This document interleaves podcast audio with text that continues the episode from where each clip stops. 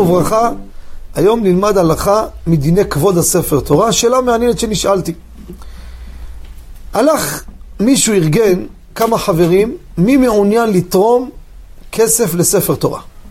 איזה מקום בארץ? שאלה שהגיעה אליי.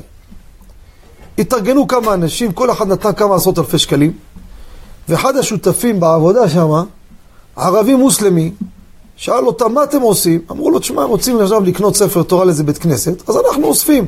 כל אחד נותן 20 אלף שקל, 30 אלף שקל. הערבי הזה, פתאום אמר להם, גם אני רוצה להיות שותף. קחו 30 אלף שקל. הערבי רצה להיות שותף. שם 30 אלף שקל, והביאו את הספר תורה. הגיעה המסיבה של הספר תורה, הערבי הזה גם מגיע.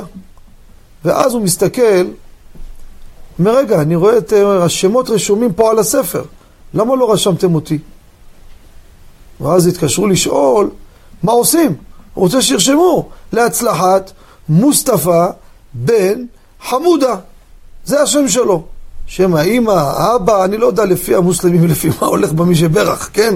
אבל הערבי פה טוען טענה, אומר, תשמע, אני תרמתי. לא לקחתם ממני כסף, זכותכם לא לקחת. נתתי, אני גם שותף. תרשום את השם שלי על הספר תורה בבקשה. מה עושים? הלכה למעשה, אין שום חשש בזה. תרשמו את השם שלו, עם שם של אימא שלו, אבא שלו, מה שהוא רוצה.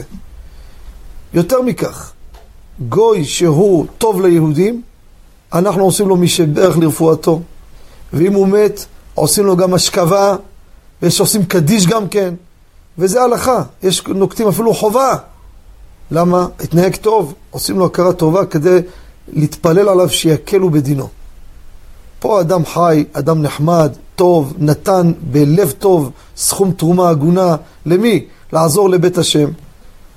לא, לא שאלו אותי אם לקחת או לא לקחת. זה סוגיה אחרת, לא אמרתי לקחת או לא. דן עכשיו לקחו. תכלס, הוא בזכותו, הוא שותף לספר תורה. לא רואה שום בעיה שיכתבו להצלחת מוסטפא בן חמודה כמו שהוא דרש, וזה הלכה למעשה. תודה רבה וכל טוב.